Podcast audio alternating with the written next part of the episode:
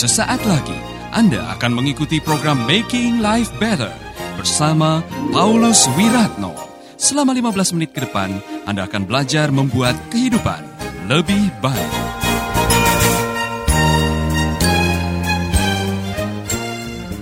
Salam. Luar biasa. Saya mau membagikan kesaksian dari apa yang saya lihat, saudara-saudara. Luar biasa. Jadi, yang pertama, Pak Gary dengan Dr. Foster terkesan sekali dengan cara kita menjalankan konferensi atau seminar. Sangat bagus dan mereka memuji kita, cara kita melayani. Dan dia tidak habis-habis ngomongin mengenai di pajak makan di Jimbaran. Itu sangat mengenang sekali ya Pak buat mereka. Ya, mungkin dari seluruh perjalanan kemarin yang paling mengesankan adalah diajak makan. Maka dia mau ya mau bawa istrinya akan datang lagi ke sini. Ya, luar biasa. Yang berikutnya adalah eh, orang-orang uh, yang kita undang.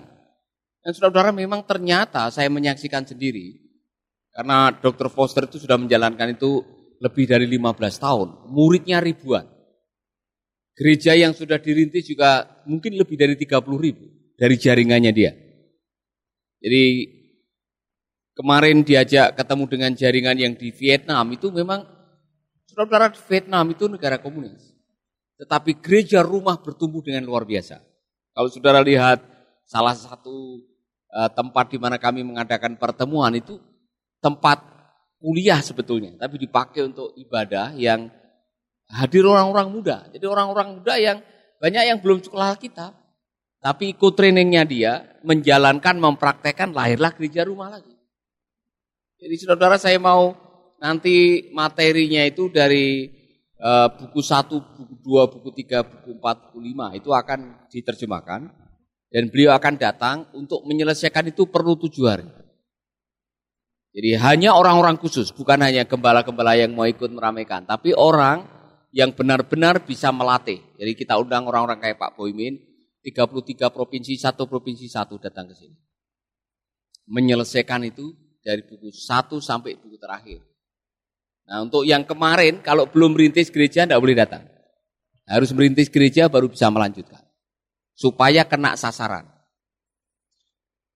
Nah saudara-saudara, saya menyaksikan dampak daripada uh, pelayanannya Dr. Foxer memang itulah yang sebetulnya kita cari selama ini. Bagaimana uh, sebuah pemuritan atau sebuah pelatihan yang bisa memproduksi dan menggandakan pelayanan gereja. Nah saudara-saudara, saya menyaksikan sendiri ada mahasiswi yang biasa-biasa saja yang sudah bisa mengembalakan bahkan bisa memuridkan dan mengutus orang-orang yang dia gembalakan ke puncak-puncak gunung menjangkau. Saudara-saudara, ternyata memang ada jalan, ada cara bagaimana kita bisa dipakai oleh Tuhan. Tidak harus menunggu sampai Anda selesai S2.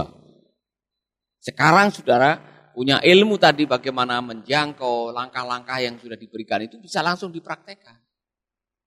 Amin. Haleluya. Jadi saya rindu Eh, anak-anak kita pun nantinya saudara bisa dipakai oleh Tuhan dengan cara yang luar biasa.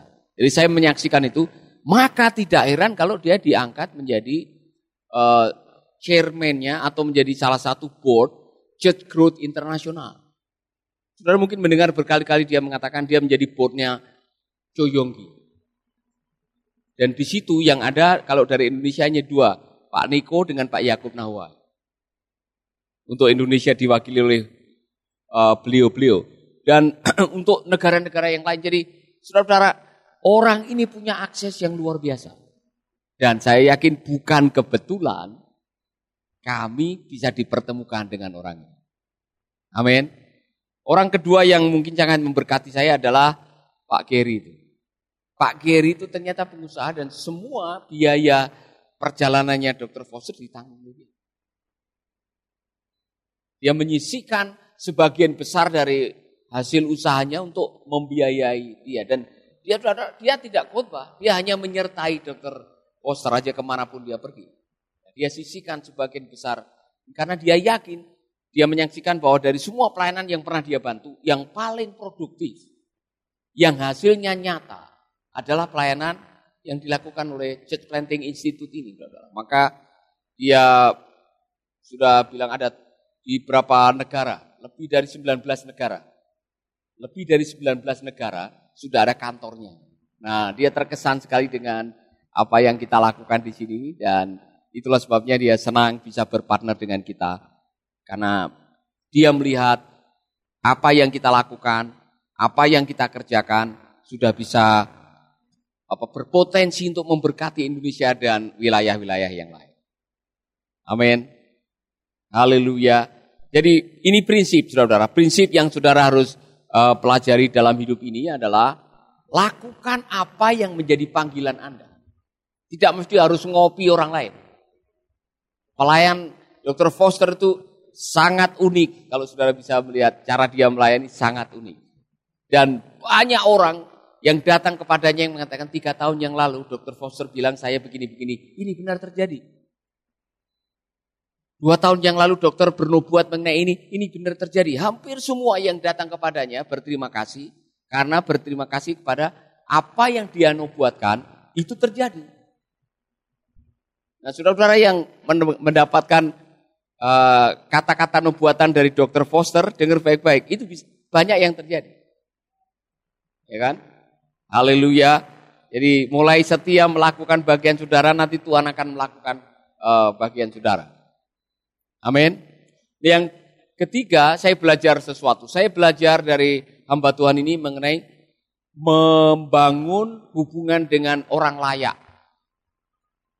Orang layak. Ke mana-mana dia ketemu dengan orang layak. Salah satu yang saya sengaja diajak Paulus nanti kami ikut saya. Kamu lihat sendiri. Ini orang-orang yang luar biasa. Properti terbesar di Vietnam. Saya diajak ke sana, ketemu dengan suami istri ini, saudara.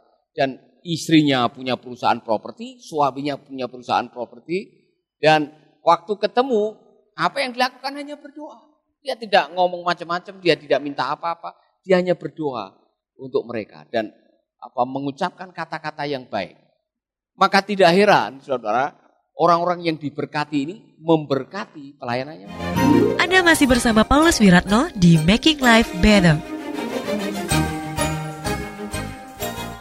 Jadi saya mengatakan kepada Anda semuanya, ternyata memang Tuhan sudah memiliki orang-orang yang akan dikirim untuk menolong Anda. Saya tanya kepada beberapa perintis di Vietnam, bagaimana Anda bisa meninggalkan kampung halaman Anda dari Hanoi pergi ke Saigon merintis? Saya ditopang oleh orang layak. Jadi tidak ada bantuan dari gereja. Pergi dulu datang ke sana, ketemu dengan orang layak. Orang layak ini yang membantu mereka untuk memulai gereja.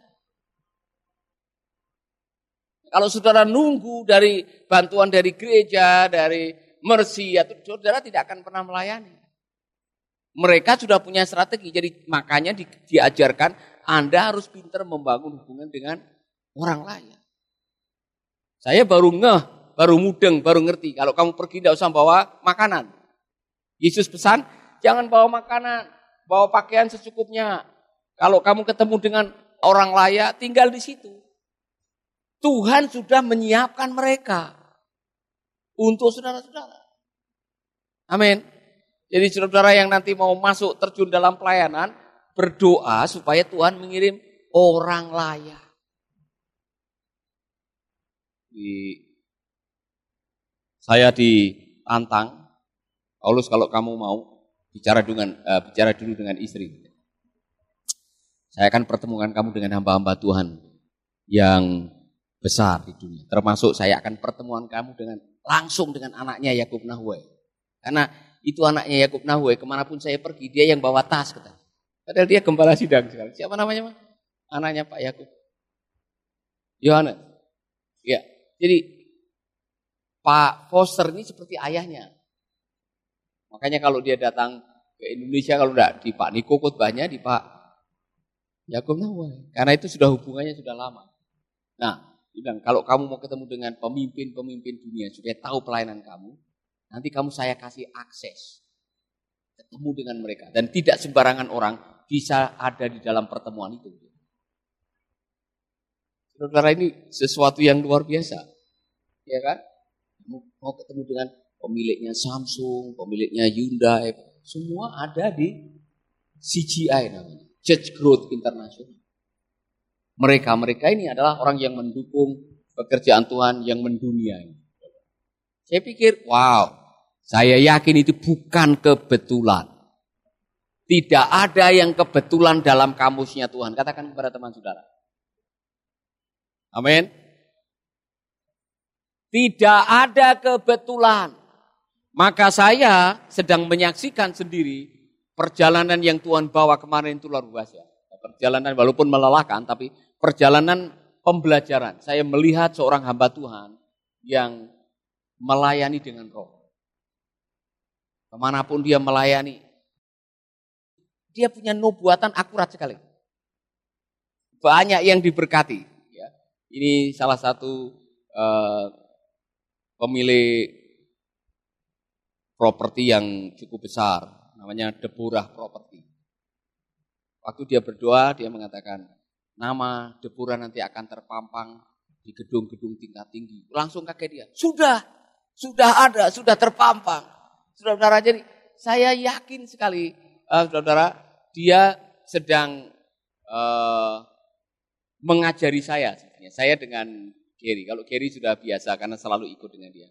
Tapi saya mau mengatakan ini kepada Anda bahwa tidak ada salahnya belajar dari sebuah pelayanan yang sudah terbukti bekerja dengan baik.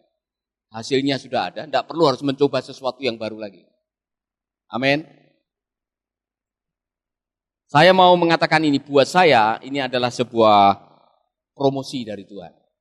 Ya dipertemukan dengan hamba-hamba Tuhan, pengusaha-pengusaha di berbagai negara seperti kemarin. Itu adalah sesuatu yang luar biasa. Bisa meluangkan waktu dengan uh, eh, Dr. Foxer dan temannya Pastor Dion dari Atlanta juga sebuah uh, sebuah keistimewaan dan saya yakin Tuhan sedang mempercayakan kepada kita sesuatu yang besar. Ya kan? Kita kembali kepada panggilan kita semula. Kita mulai dengan church planting. Dan kita kembali ke sana dan Tuhan memberikan kepada kita jalan bagaimana bisa menjalankan ini. Saya yakin kita akan uh, berdoa supaya apa yang dilakukan oleh Dr. Foxer di Pakistan. Di Pakistan itu sampai ada 30 ribu gereja. Saudara bisa uh, melihat betapa luar biasa dampak daripada pengajaran itu. Dan saya yakin ini bukan kebetulan. Saya mau kasih poin sekarang. Mengapa saya dibawa oleh Tuhan ke situ? Saya merenung. Nomor satu, Tuhan melihat kesetiaan. Tuhan melihat kesetiaan. Lakukan apa pun yang ada di depan mata dengan setia. Saya mau kasih prinsip ini kepada saudara. Karena ternyata Tuhan itu punya tim penilai di surga. Anda setia atau tidak? Kesetiaan itu harga mati di hadapan Tuhan. Anda tidak bisa nyuap Tuhan untuk bisa loncat, kemudian tahu-tahu dipromosikan atau mempromosikan diri sendiri tidak bisa. Setia dengan yang ada. Kembali kepada perumpamaan talenta, hamba-hamba yang setia itu dan tidak mikir siapa untung siapa rugi. Dua hamba itu, pada akhirnya mereka yang mendengarkan kalimat ini, sabaslah hambaku yang setia. Amin.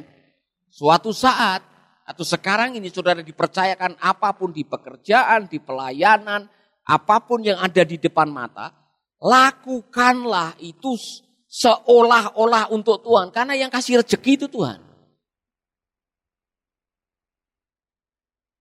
Saudara mungkin pekerjaan saudara yang mencatat atau bikin video atau apa. Mungkin gaji saudara tidak banyak, tapi rezeki dari Tuhan itu ada cara Tuhan memberikan kepada saudara. Karena apa yang saudara lakukan adalah untuk Tuhan. Ada aja berkat ekstra yang Tuhan berikan melalui cara-cara yang berbeda. Itu rezeki. Kalau gaji itu hasil kerja, kalau rezeki itu uluran tangan dari surga. Sahabat, Anda baru saja mendengarkan Making Life Better bersama Paulus Wiratno.